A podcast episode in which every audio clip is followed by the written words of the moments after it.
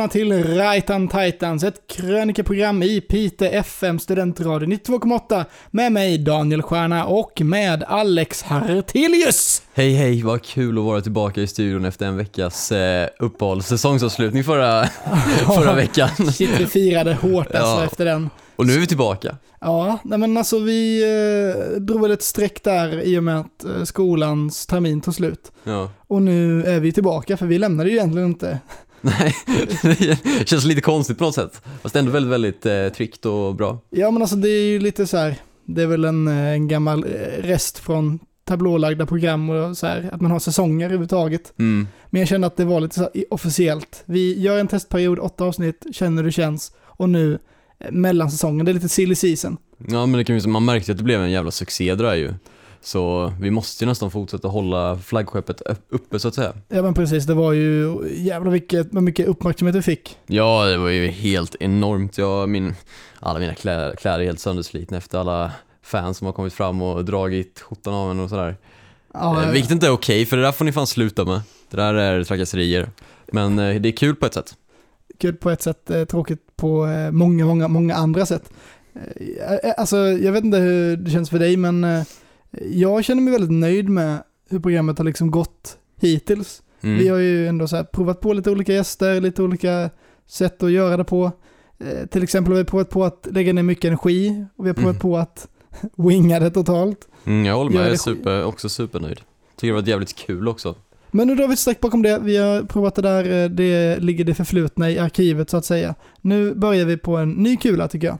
Mm, en Eh, sommarkula, ja, en sommarspecial. Säsong 1.5, Sommar-Titans. Ja, det låter ju extremt bra. Det låter otroligt bra. Alltså vi, eh, det kommer väl bli ganska, ganska slappt med tanke på att vi tidigare har eh, så sänt eh, i PTFM med ett visst så här specifikt tablåutrymme. Var Mm. tvungna att vara lite tajtare, hitta lite mer så här, ja, men lite begränsningar i hur länge, länge vi får snacka och eh, innehåll och sådär. Jo, precis. Men det kommer ju fortfarande bli roligare än de där eh, sentimentala sommarpratarna som man hör varje dag i sommar. Ja, gud ja. Alltså det blir inte, alltså vi, vi, vi siktar inte på liksom lägsta nivån.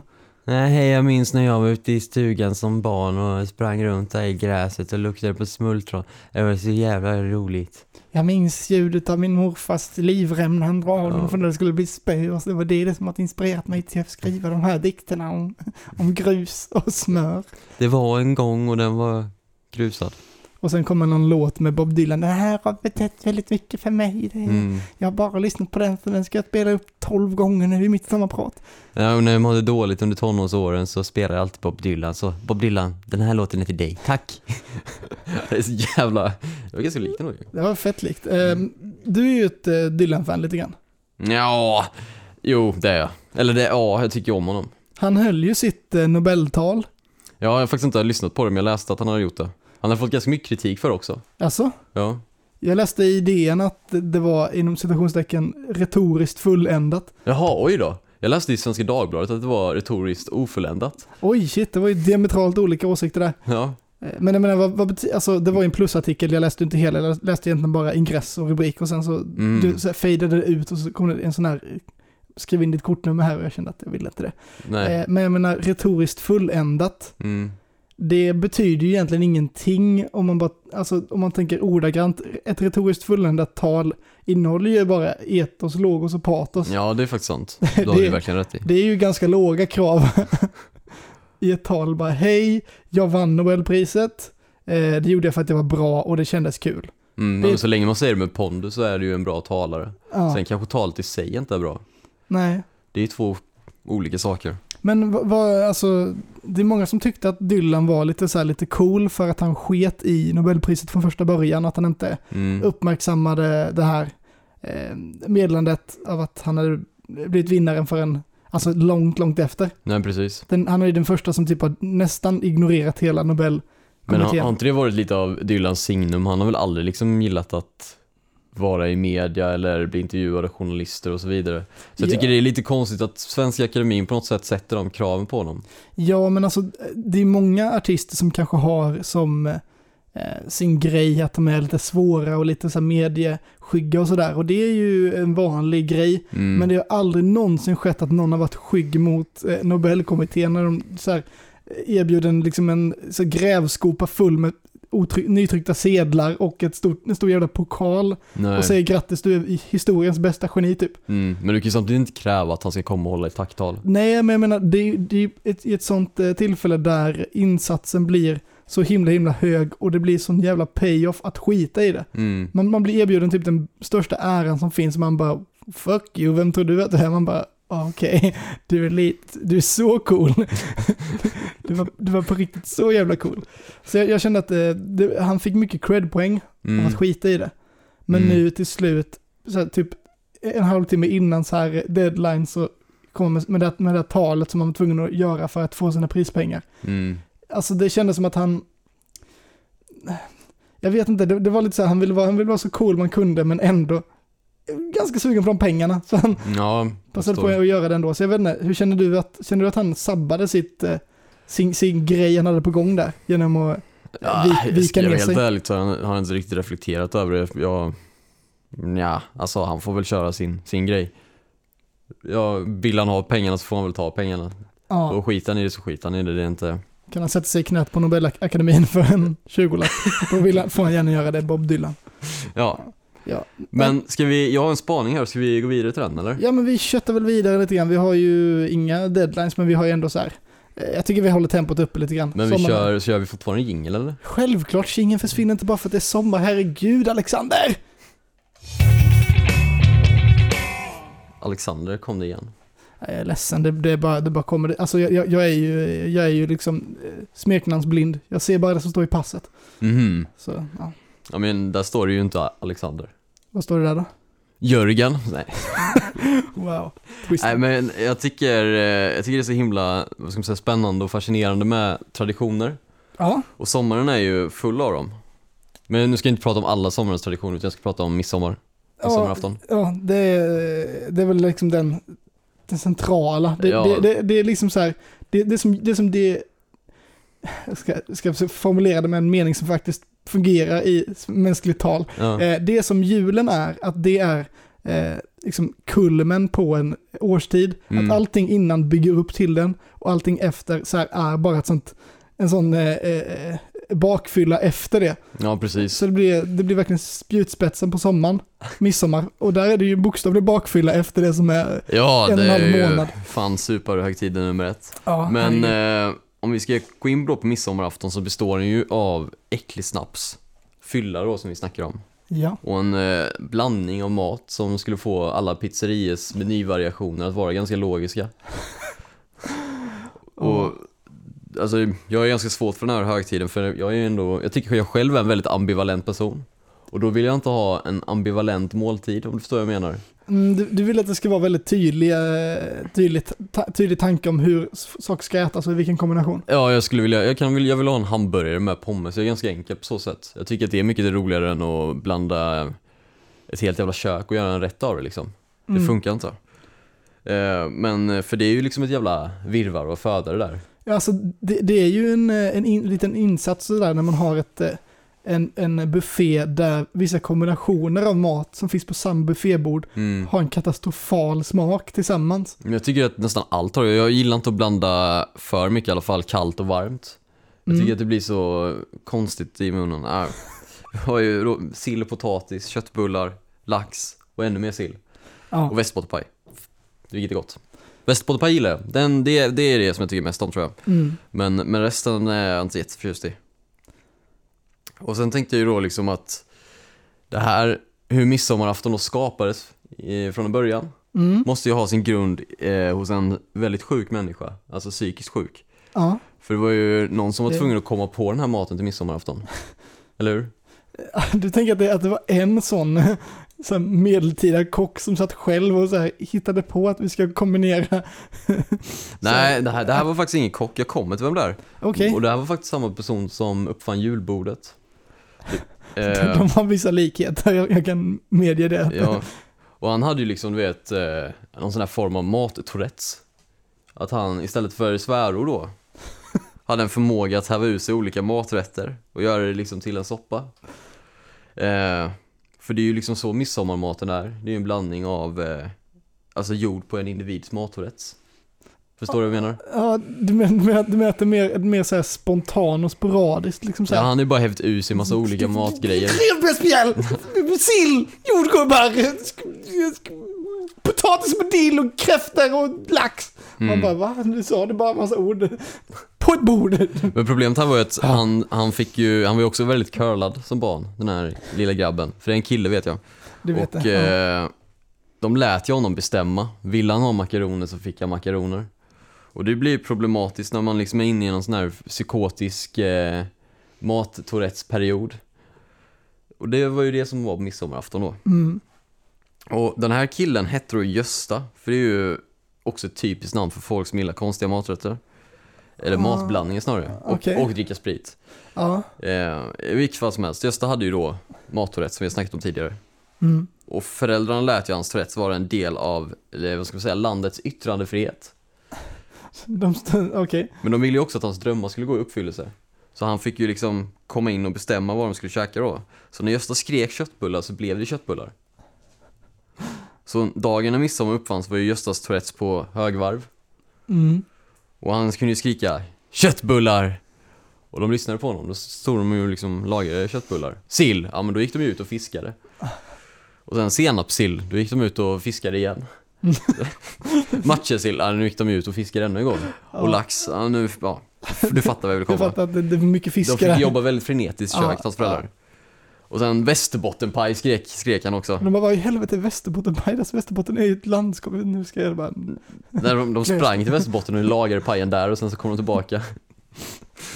Nej men Gösta sprang runt i köket och strök liksom sina, sina, sin bleka hud mot föräldrarnas somriga lår. Och det här är någonting som är väldigt eh, känt. ja. Men de, det fick, blev alltså det kom, kom ju också en, en tid när föräldrarna inte orkade med Gösta längre. Så när han började skrika halloumi och squash så fick det ju vara nog. Så han, alltså maträttens Gösta då blev ju så arg, alltså hans föräldrar blev så arga att de gav honom varsin smäll, du vet, på, på, på vardera öra. Så han började ju hålla för den och hoppa runt. Och så, så, så sa han åh quack, och quack. Så det lät ju så från Gösta när han grät. Och självklart var det ju tvunget att vara ett läte som påminde om grodor och eh, dess lår. För mat-tourettesen är ju central överallt.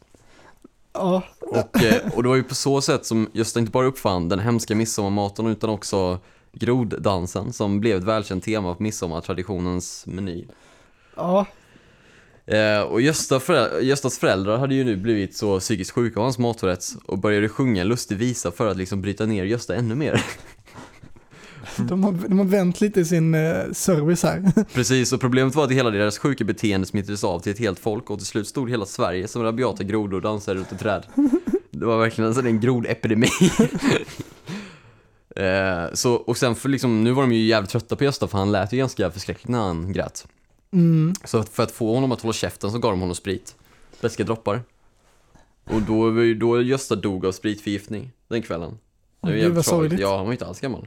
Eh, och hans föräldrar blev så fulla av glädje att de började dansa runt ett träd. Och myten säger ju att de än idag står där och dansar med händerna psykotiskt fladdrande över öronen. Och det där var ju alltså då historien om midsommarens grundare Gösta och hans föräldrar. Och det är också troligt att dessa tre individer hamnade i helvetet. Och det är därför som sägnerna då säger att de minst en gång per år återvänder och lägger en förbannelse över det svenska folket som gör oss till rabiata grodor med maträtts. Ja, eh, jag, jag kan inte på något sätt klandra den här historiska liksom, riktigheten i den berättelsen. Nej, och jag, jag köper ju det här. Den här, det här är ju ingen myt. Det här är ju sanning. Jag får fan köpa sanningen som den är. Ja, Tack Alex för din historiska utläggning om eh, Gösta och om eh, midsommarbordet. ja tack.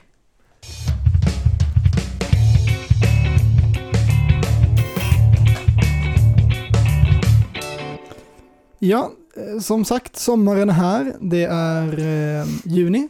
Mm. Det är nationaldagen faktiskt när jag spelar in. Jaså? Oj, det Oj. hade jag ingen aning om. Nej, det är inte så viktigt i Sverige. Det är 6 juni. Det är eh, fack, fack Sverige. Det, det kan vara som det. I alla fall, det, Sverige är ju ett land av eh, traditioner och av eh, ja, men så här, ganska så här, s- strikta ramar för vad som är eh, normalt att bete sig och eh, att göra på sommaren. Ja, verkligen. Så, eh, och det, in- inte minst beror det på liksom eh, vår kåthet på väder och vår liksom så här, Mm. ehm, nej men att, att sommaren har sin egen särställning på att säga, så att säga. Mm. Så när sommaren väl kickar igång så triggas liksom människor i sitt inre att, eh, att eh, börja bete sig på ett visst sätt. Så. Mm. Eh, så fort det blir sommarlov så börjar barnen så här, springa ut och skrubba knäna på asfalten och Mm. åka skateboard och sådär. Eh, eller det gjorde vi i alla fall. Ja, Hoppa studsmatta, röra på sig. Nu kanske man sitter inne och spelar eh, typ... ja, kolla, ja dagens ungdom, jag vet inte fan vad kolla de på. YouTube och spelar Candy Crush eller vad. Man kollar på YouTube när andra åker skateboard. kolla skateboard fails på YouTube. ja. Medan, Nej men jag minns det- att vi, vi spelade nästan eh, alltid street hockey på sommaren. ja, det var svinkul. Mm. Ja, det gjorde vi också. För vi, jag bodde ganska nära en skola och de hade en sån här jättestor eh, grusplan, Mm. eller asfaltsplan snarare, där vi, med två mål. Så där samlades vi ganska många varje dag och spelade street hockey, det var skitkul. Det var jätteroligt. Rekommenderar Street Hockey, fem av fem stjärnor. ja. Superbra. Eh, nej men precis, det, det mm, eh, alltså som, sommaren gör att man blir mer aktiv i alla fall. ja men så är det man, ju. man, man bejakar sina intressen lite mer. Mm. Men de intressena kommer inte av sig själva. Och jag tänkte prata om ett sånt intresse som jag identifierat och som eh, är så otroligt framträdande. Mm. Så att det känns som att det inte är en slump. Och det är, liksom, det är lite av ett problem att det blivit så himla populärt och så himla eh, standardiserat att det är någonting man håller på med. Mm. Och eh, jag menar, barnen slutar skolan, man är lediga hela sommaren. Lägger tre månader till att bara leka och slappa runt och så här, ta det lugnt. Mm. Vuxna slutar också jobbet, tar Mm. semester. Liksom, och det, mm, det börjar ju ofta ganska bra. Man stämplar ut sista dagen på jobbet, bara nu har vi kanske fem veckor bara, vi ska lata oss, Mm. ta det lugnt, ladda batterierna. Och så tar man en, eh, en skön sommar eftermiddag efter jobbet sådär, eh, häller upp ett, eh, ett, en flaska rosévin listigt i ett glas som är så här, har en diameter av en, som en lastbilsratt ungefär. Mm. Så här, gömmer ett, en flaska i ett glas sådär. Eh, leker med barnen, grillar någonting på altanen, sitter där i, i sensommar, eller i sommar, eh, solen som gassar på ens eh, bleka hud. Mm. Känner att all, livet är liksom perfekt. Mm. Men, de här sol, men solen strålar och den här lilla vinfyllan så att börjar så här, eh, göra att man ser sprickorna i den perfekta fasaden lite grann. Mhm. Man ser saker som man inte såg tidigare. Så här, vad fan, det är ju laxläpp på altangolvet ser jag här. Det är för helvete löv i hängrännorna, det är ju, Ja. det är ju mossbildning på, på eh, tegelfasaden här och det är ju, jag ser att vi måste skruva upp, vi måste måla listor, vi måste byta det här och det ena med det andra. Och plötsligt så har den här perfekta sommaren fått ett par så här, ett par punkter man måste så här bocka av. Mm. det börjar växa fram en sån veckoplanering och varje vecka får en så här en deadline i familjekalendern med, skriven med så här stora röda bokstäver. Mm. Tror du Och- att vi, vi lider av ett arbetsberoende? Jag tror att vi lider av en folksjukdom och den här, ett, ett oavlönat arbete, en sorts, en sorts hemslaveri som kallas för villaägande. ja. Och jag menar, för att, få lite, för att få lite bakgrund till detta så måste vi ändå så här s- komma överens om hur så absurt det är att, att så här, den här villa, den här ombyggnads och renoveringshetsen Mm. faktiskt är så framträdande som det är. För jag menar, vi, du och jag, vi, vi har vuxit upp i ett, eh, i liksom ett samhälle där vi lärt oss eh, att eh, här, se möjligheterna i världen. Liksom. Mm. Eh, vi, vi, vi lär oss om samhällets normer och att det finns här, tusen sätt att leva sitt liv på. Mm. Och att det, att det vi vuxit upp i bara är ett av många, så här, oändligt, oändligt många möjligheter. Liksom. Ja.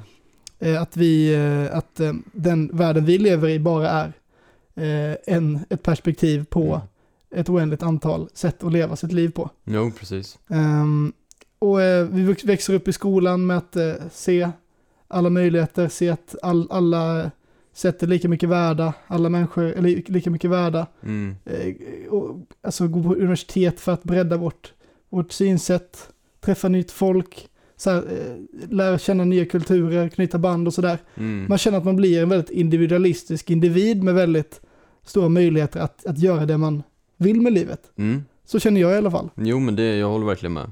Det finns Det inga begränsningar och man, och man är inte så där, man är inte så ehm, fast i gamla, gamla mönster, Nej. utan man kan se dem lite utifrån och välja och vraka lite själv hur man vill leva sitt liv. Och så går det några år kanske, man kanske gängar sig, vad vet jag. Mm. Man kanske eh, funderar på att skaffa familj, man kanske hittar ett hus, en plats man vill bo på. Så här, allting fortfarande helt öppet, helt fritt. Man gör vad man vill med sitt liv, men man känner att eh, det hade varit nice att ha ett hem någonstans. Mm. Eh, och så går man till banken, tar ett jävla mass, massivt maxlån och sen så sätter man bara så här. Eh, man, man sätter fingret på en karta och så pekar man, pekar man ut, här ska jag bo. Och så, Mm. så, här, cementerar man fast sina skor på en plats på jorden där man i princip ska liksom så här finnas tills antingen huset brinner ner eller tills man själv brinner upp i liksom krematoriets ugnar. Det är, man, Fan, man, det får ju låta väldigt, väldigt sorgligt på något sätt. Ja, men det är ju det som gör någonting med den, att så, så fort man gör det här digra beslutet, Mm. så, jag menar, folk, folk investerar pengar i sitt, kanske sitt livs största, största köp. Och det är som att det köpet, den, den så här ansvarstyngden och den känslan av att så här hamrat fast sig själv vid en plats på jorden, Mm. gör att någonting triggas i en. Så här, att man, man går från att vara bara så här husägare till att bli så jävla intresserad av allting som det här huset har att erbjuda och alla utmaningar som finns där. Mm. Jag menar, och, och eh, ehm, Jag har ju liksom ändå någon form av känsla att när du blir husägare så blir du också en konkurrent till andra husägare. mm, Du börjar liksom renovera ditt hus och anpassa det efter vad du tror att resten av samhället vill att, vill att det ska se ut. Förstår du vad jag menar? ja, alltså det, det är som att ehm, husägande inte bara är någonting man, man, man, man gör liksom, att man, man köper ett hus, sen har du ett hus. Utan det är en livsstil som man så här blir en del av. Mm. Alltså så här, det, det är inte bara det att, att man har ett hus som då och då måste målas om, utan man, man har ett, man, man är en husägare, som, man, det är någonting man ska förvalta, någonting man ska så här lära sig att ta hand om. Och sakta men säkert så blir man ju en hobbysnickare, Mm, en precis. hobbymålare, Ja, en hobbyinredare. Och det är ju väldigt sällan man eh, hänger sig till en sån hobbygrej på det sättet. Jag menar, jag menar eh, tänk, tänk så här, ett, ett, fikarum någonstans i Sverige. Mm. Eh, det är typ maj, de sitter och snackar om någonting. Man kan ju ge sig fan på att folk så pratar om eh, måla om utehuset. Ja, Eh, de ska, man ska plantera om någonting i trädgården. köpte en ny grill till sommaren. Ja men så här, eh, Gasolgrill. så här jag, ska, jag, ska, jag ska eh, lägga om tak, pa- takpannorna. Mm. Beställt sådana här pannor. Alltså det, det är ju så här, det är den här husfixa-grejen som är, det, det kanske är det mest accepterade och eh, omtyckta samtalsämnet som finns Ja, bland medelålders det svenskar har du idag. fan rätt i. Det är väldigt centralt, speciellt på sommaren. Ja men precis, och jag menar eh, att, att, att prata i, i oändliga tidsrymder om så här eh, hur man lagt om altangolvet är ju liksom, folk applåderar ju det beteendet Ja. på ett sätt som man inte hade gjort om man hade gjort något annat så här kreativt. Men det finns ju också en avundsjuka där ju. Du mäter ju kuk genom att ha ett fint hus. Finast hus på området har också störst kuk, förstår du vad jag menar? Ja, men jag menar det är ju så himla konstigt att, eh, att man eh, gör allt det där själv på något sätt. Alltså det, det, Mm. det är ju sällan, det är sällan man så här bygger sin egen bil själv. Det är sen- väldigt, väldigt sällan. Utan, utan, den, utan den, den köper man ju som den är och sen så skryter man kanske om hur mycket pengar man har lagt på det. Ja. Men, här, men alltså det är ju det är ju mycket vanligare att folk så lägger en halv sommar på att lägga om ett altangolv själv. Ja, och jag är faktiskt lite, tänkte på det nu, om jag skulle köpa hus någon dag så skulle jag aldrig fixa det där. Nej, Jag, jag har aldrig snickrat i hela mitt liv, jag kan inte ens sätta upp en tavla, hur fan ska jag då kunna lägga ett alta- altangolv? Det går ju liksom inte. men vi- vi- det, visst är det sjukt för jag menar, Jag blir jätteorolig nu. nej men alltså det, det, det vi kommer fram till är lite att så är det ju för alla. Mm. Det är ju ingen som är i, i tidigt 20-årsåldern eller så tonåren som på något sätt har sett sig själv sitta på typ så byggmax och välja mellan eh, om man ska ha ektrall eller så här, Mm. eller grantrall eller vad fan man nu ska ha till sitt, altangolv och sen sitta och planera hur man ska så här, bygga reglar och grejer. Så, så här, det är ju helt absurt att vi i ett modernt samhälle liksom med så mycket teknisk, så här, eh, tekniskt fokus ja. med, all, med all, alla, de, alla de skillsen som vi odlar fram, en dag alla ska sitta och lära sig hur man så här eh, eh, högtryckstvättar en, ett golv eller så målar en, eh, så här, en fasad på ett bra sätt. Bygger en flotte. Ja, men alltså det, det är ju helt absurt att det, skulle, att, att det är liksom en, inte bara ett särintresse utan någonting som alla Mm. nästan gemensamt håller på med på fritiden. Men jag har faktiskt ändå en känsla av att man var mer händig förr. Ja, Jag vet inte varför, hur, eller vad jag baserar det på, jo men, men det var, det var man väl nog. men jag känner att det fan- fanns, fanns- inte lika mycket andra stimulerande grejer som det gör idag kanske på samma sätt. Nu har vi ju liksom tv, tv-spel, nu vet, alltså det vet jag, jag har ju verkligen ingen aning om det, om det är sant, men Jag kan men- tänka mig att det är så. Nej, men menar, det, det, det kanske fanns ett mer praktiskt syfte i, vardagen av att vara en eh, händig person Mm. förr, Mm. på ett annat sätt. Men idag har man liksom så hittat det här enda luckan där sådana händighet faktiskt kommer till nytta. Mm. Men problemet är att folk lär sig händigheten när det väl gäller Mm. på ett sätt som man kanske inte odlar fram i barnspel. Jag menar så här, de, det är väldigt många som kanske spelat ett instrument när de var liten. Mm. Klarinett eller Mm. cello eller fiol eller vad det kan vara, piano. Eh, alltså så här, man, man, man, eh, man odlar fram en kunskap inom något estetiskt, nå, någonting, något, något så här kreativt arbete. Eller, eller kanske man sitter och målar mycket. Mm. Man, så här, man, man gillar bild i skolan och sådär. Men hade, hade någon på fikarasten på typ ICA-lagret dragit fram en jävla så här, kolkrittavla de har målat själva hemma. eller så här visa upp eh, nå, nå, alltså, nå, någonting man har eh, stickat eller sådär. Eller någonting man Mm. har virkat en tavla eller någonting. Eller eh, ta fram mobilen och visa upp en låt man har skrivit i veckan. Hade folk tyckt man var helt jävla dum i huvudet. Ja, det är ju varor som måste lastas upp på hyllorna ju. Hallå? Nej men liksom så här, det finns ju det finns inte alls den så här allmänna acceptansen för vuxna människor som gör någonting kreativt eller så här. Nej. Nå, nå, någonting, ehm, någonting som ehm, eh, har en, eh, ett estetiskt värde förutom just heminredning och bygga grejer. Ja, nej men det har du ju verkligen rätt i. Det är det som att det, det trumfar all annan typ av estetisk verksamhet. Mm. Vilket får mig att fråga lite så här, hur fan blev det så att träslöjd blev det vinnande ämnet i skolan som vi hade mest nytta av sen i framtiden? Mm. Jag har ingen aning. Jag menar allt annat, allt annat hör man ju folk så säga, men det här kunde vi skitit i likväl. Mm. Så här, var- varför ska jag kunna spanska glosor? Jag har inte varit i Spanien hela mitt liv liksom. Nej. Varför ska jag lära mig så här eh, trigonometri? Jag, Mm. jag, jag, har inte ens, jag har inte ens räknat någonting i huvudet på 35 år liksom. All teknisk eh, innovation har gjort att vi har sluppit detta. Ja. Engelska behöver vi inte heller, det finns lexikon på allting. ja, man kan spela wow eller något sånt där, så lär man sig det. Ja, eller kan man bara översätta hela webbsidan med ett enkelt tryck. Ja, där, man det är i sig faktiskt ganska, på tal om något helt annat nu. Om Ja. du har haft en engelska lektion Ja, och jag hade varit din engelska lärare, ja. då hade jag sagt gå in och spela online. Vilket spel som helst, prata med människor. Det är ju ett jävligt bra sätt att lära sig engelska. Då hade folk lärt sig väldigt mycket. Typ så här, Ja. you fucking suck. Och jag hade be- behövt Uninstall göra, noob. jag hade behövt göra väldigt lite som lärare också. Jävligt mycket fula ord dina ele- elever skulle kunna. Mycket så här, Jag kom tillbaka skitledsen så här, bara, jag blev kallad noob igår. Okej då ska vi lära oss glosor som ni har lärt er. Vad betyder noob? Vad betyder uninstall? You fucking shithead. ja, ja. Vad betyder. GG? Det ska vi allt gå igenom nu, Mm. dagens Det glosor. är förkortning för good game för övrigt. Ja, Mm. eh, bra att du är allmänbildande. Mm. I alla fall, ehm, NP, no problem. VP. Well played. Ehm, TI, thank you. Nej, sorry. nej, men jag menar, vad var det du pratade om? Just det, det var, det var Händighet. Just det, men det här med, med att ehm, om man går tillbaka till skolämnen och sådär, Mm. att, att vi odlar fram en, en, en variation av olika färdigheter i skolan. Så här. Mm. Man har idrott, man har språk och NO och SO och sådär. Och mycket av det kan man ju med eh, mer eller mindre eh, taskig attityd avfärda som onödigt i efterhand sådär. Eh, definitivt. Alltså det, alltså det hör man hela tiden, bara vad fan skulle jag hålla på med, vad skulle jag hålla på med, med idrott, jag har inte rört mig på 30 år. Mm. Han bara, det kanske var just därför du skulle jag hålla på med det. Men i alla fall att, att ehm, det överlever inte eh, vuxenheten. Nej.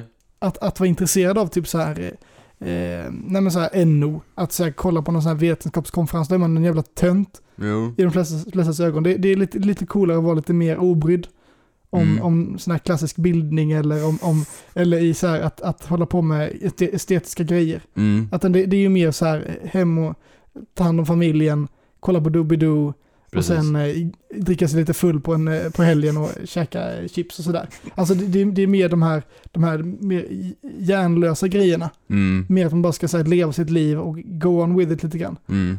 Kanske, kanske spela lite innebandy med, med korpen med jobbet efteråt. Men alltså hade någon kommit dit och så skrytit om, om hur, hur långt i längdhoppsgrop man har hoppat.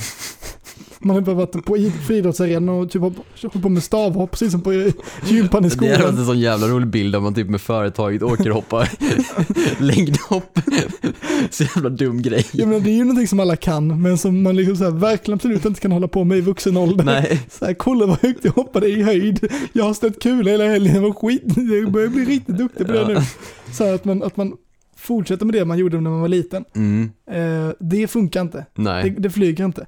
Men av någon jävla anledning så är det den här träslöjden som ändå har överlevt. Så här, att, att kunna snickra grejer, att kunna så här, eh, så här matcha ett, ett, eh, ett trägolv med en tapet och så här, by, bygga sin egen byrå. Bygga sin egna by tror jag du skulle säga. Så är skitstort samhälle, man bara what? Nej, men liksom, det, det, är, det är så jävla märkligt. Mm, att att, att, att eh, alla så här, den här, en, en så här stora variationen av människor med olika öden, med olika bakgrund, intressen och så vidare som så varit väldigt olika hela sina liv, mm. växer upp, skaffar familj, köper ett hus och sen blir hobbysnickare allihopa. Men tror du inte att det finns något, eh, vad ska man säga, manlig, manlighet över det? Ja, det Som är väldigt fast grundad. Jo men jag har tänkt på det också att jag tror att det har med det här göra sig, alltså så här bli man över sin egen gård, tänket lite grann. Ja men lite så, Att- typ man- alfahane-tänk eller något sånt. Ja men liksom det känns lite, det känns lite bögigt att behöva ringa in entreprenad för att Mm. här, få upp en, eh, en, en spaljer liksom. Ja men då kommer jag vara den största bögen på marknaden, det kan jag ju säga.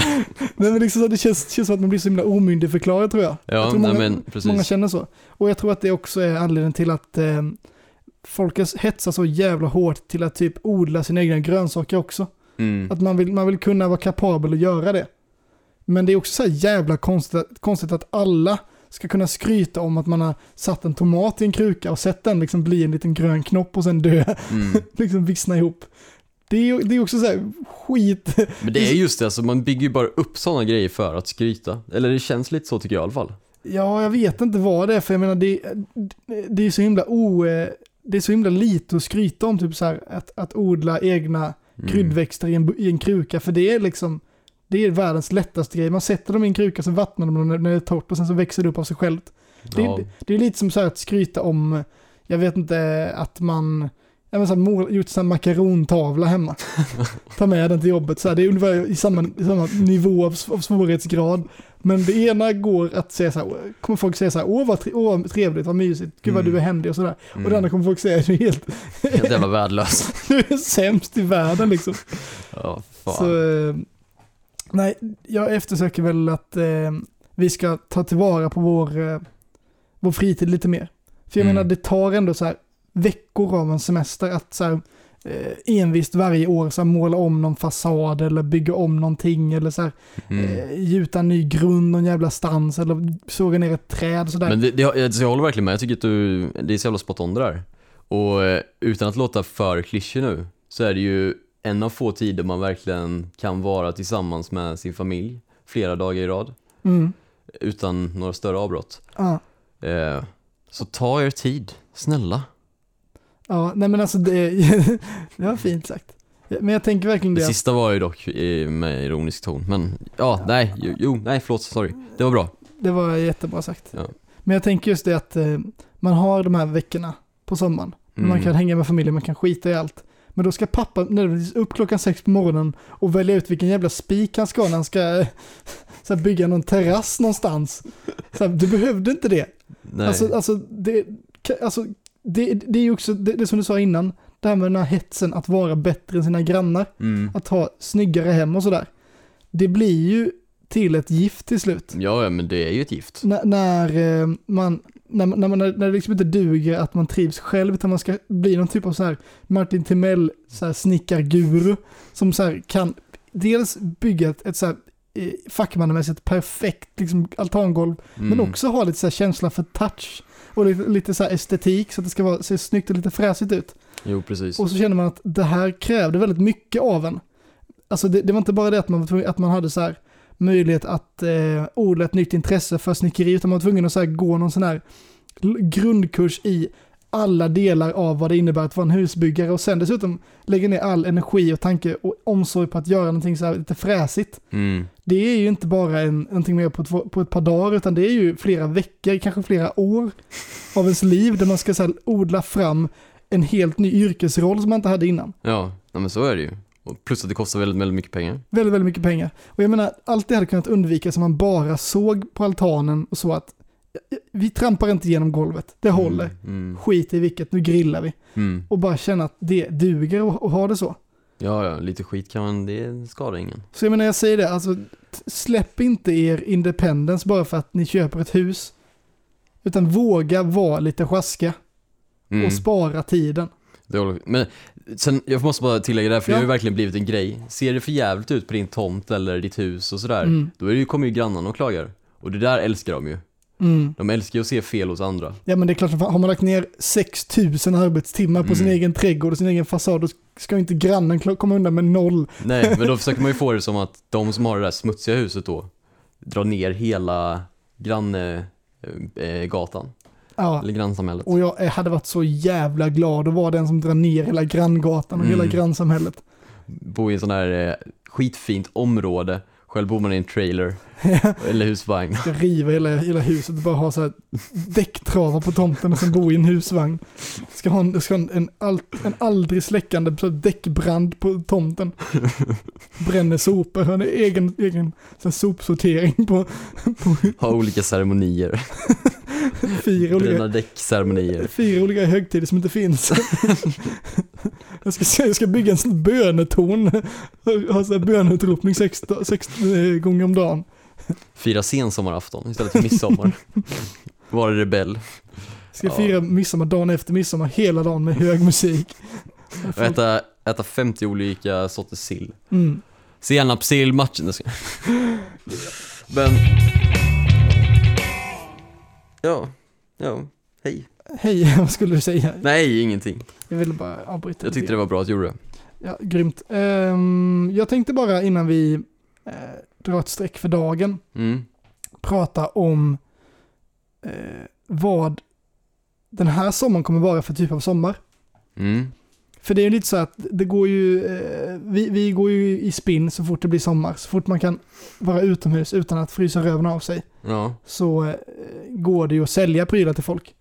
Så, så är det ju. Så att eh, det finns alltid någon ny sommartrend, alltså det kan vara en, men, ny, nya solgrejer man ska köpa. Ja, ska en uppgradering av något gammalt också kanske. Ja men liksom så här, eh, någon, någon sommar kanske det flyger drake som är det nya coola. Mm. Då ska alla jävla ut och ha en drake på ett snöre liksom. Mm. Eh, I år är det ju lättjans sommar. Mhm. Om vi går in på så här Teknikmagasinets hemsida, vi går in på coolstuff.com, de som, är, som så specialiserar sig på att sälja prylar. Då har ju, på Coolstuff finns det då, jag kan visa det på min dator här, Mm. så finns det ju en hel flik som heter sommar. Och vad har vi då för prylar?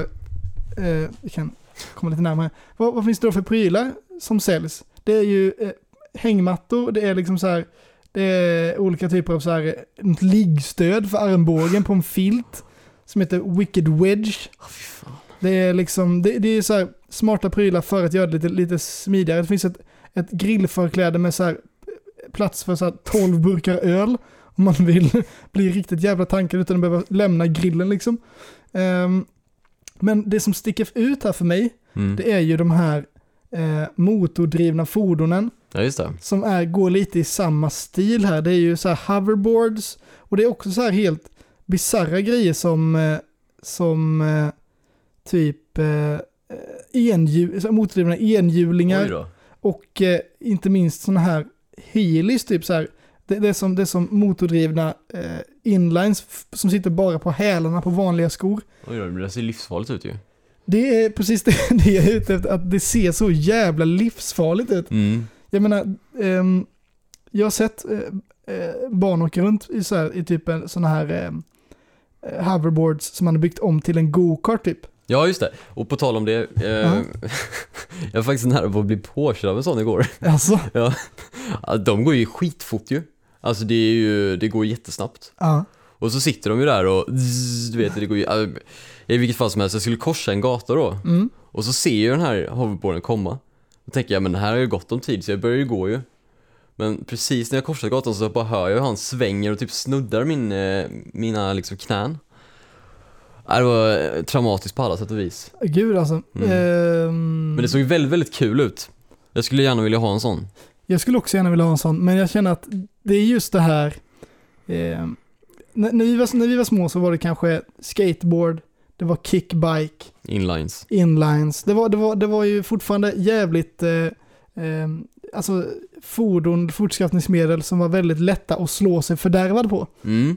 Mm. Man behövde liksom inte hjälp av en eldriven motor för att kunna landa på ansiktet och så här behöva ligga på sjukhus i flera veckor med Nej, brutna det ben. lyckades man med så bra själv. Det gick alldeles utmärkt alldeles själv. Ja. Men nu har vi liksom så här uppgraderat eh, den här eh, benbrottsstatistiken med, med liksom motorer som gör att de här skateboardsen och kickbikesen och eh, så här eh, inlinesen kan gå i så här upp till 40 km i timmen Mm. Och så här vara svåra att stanna.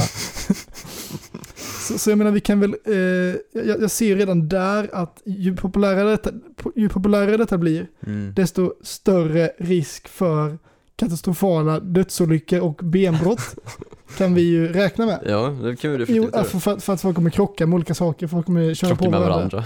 Ja, alltså det kommer ju vara Mario Kart på riktigt på gatorna. Kasta sådär bananskal bara. köra vägen, slå ihjäl sig. Eh, och jag tänker att det i sig är ju jävligt dåligt. Men sen så gick jag in på Aftonbladet för jag ville, jag, ville, jag, googlade benbrott plus eh, kick plus hoverboard plus statistik typ. Mm. Eh, hittade inte så mycket där, men jag hittade en artikel som heter Säljstopp för många hoverboards. Eh, där det står att 10 av 13 granskade hoverboards höll inte måttet vid kontroll. Och nu, Mm. förbjuder arbets, nu förbjuder Arbetsmiljöverket dem från att säljas. Och då står det här i en faktaruta att hoverboard, även, eller så här, många hoverboards har visat sig vara brandfarliga. Från juli 2016 till april 2017 har 48 kända bränder rapporterats till Myndigheten för samhällsskydd och beredskap. Det är främst under laddning som hoverboards fattar eld. Så det är inte bara risk för att hoverboards här, är, dödsmaskiner i sig själva, utan de kan när som helst spontant fatta eld. Ja, och bränna upp hela den där hemsnickrade altanen. Och står där och käkar sin midsommarbuffé på sin hemsnickrade altan som har lagt ner 600 arbetstimmar med så här, för, till och med perfekta så här, eh, Som har köpt en budget hoverboard som bara bränner upp hela skiten. Fan vad tradigt. Det ligger någon sin sån, eh, sån super wedge-filt och ser allting hända. och då Ja, hade jag legat i min däckbrands eh, trädgård och bara njutit av detta. tagit en öl också, legat i hammocken, tänt en liten brasa, däckceremonin. Det är sommar för mig. Ja du Alexander, nej nu sa jag det igen, alltså vad är det för fel på mig? Jag vet inte för du säger ju aldrig annars liksom. Jag säger det aldrig annars, det är någon, något Tourettes, något tics Det här jag ska har. inte vara ett formellt sammanhang Daniel. det Nej, här ska det- vara en, en trygg eh, samlingspunkt Nej, alltså, där båda jag- kan yttra sina åsikter. Nej förlåt, tankar. alltså jag känner som att jag är någon sån förmyndande förälder som sitter och ska så här, tillrättavisa det på något sätt. Mm. Nej, så är det faktiskt inte. Utan jag tänkte bara säga att jag är eh, jävligt glad att vi har gjort det här, att vi har kommit igång med Sommar-Titans också. Ja, jag håller med. Jag tycker det är superkul att Titan Titans också får heta Sommar-Titans i några månader. Skönt att den fick en uppgradering lite grann. Mm. Eh, problemet är väl lite att jag ska, eh, alltså så fort vi är klara med detta eh, så ska jag ju sticka iväg till, eh, bo ute i en stuga i, utanför Umeå. Ja just det, du ska bli dräng, Jag ska, bonde, jag ska bli bonddräng, jag ska i två veckor. Ja, det kommer faktiskt bli skitspännande. Jag har ju varit en väldigt eh, bekväm person Ja, eh, största delen av mitt liv. Så här, suttit inomhus, eh, mycket, eh, varit mycket dator, det har varit mycket eh, chips, mycket så här, sitta still, kanske spela lite kort. men då kommer du få ta del av de här händiga grejerna som vi har pratat om. Alltså jag, jag är ju rädd att det kommer bli så. Mm. Vi, har ju, vi har ju förkultiverat så här eh, grönkål i sådana här små planteringskrukor. Mm. Vi har satt eh, lök som heter piplök. Jaha. Har du hört talas om piplök? Eh, nej, det har jag inte gjort. Nej, Gräslök vet jag vad det är. Ja, det har jag planterat. Jag har odlat fram det. det. Vi har inte ens talas om det tidigare. Jag vet inte ens vad det är för något.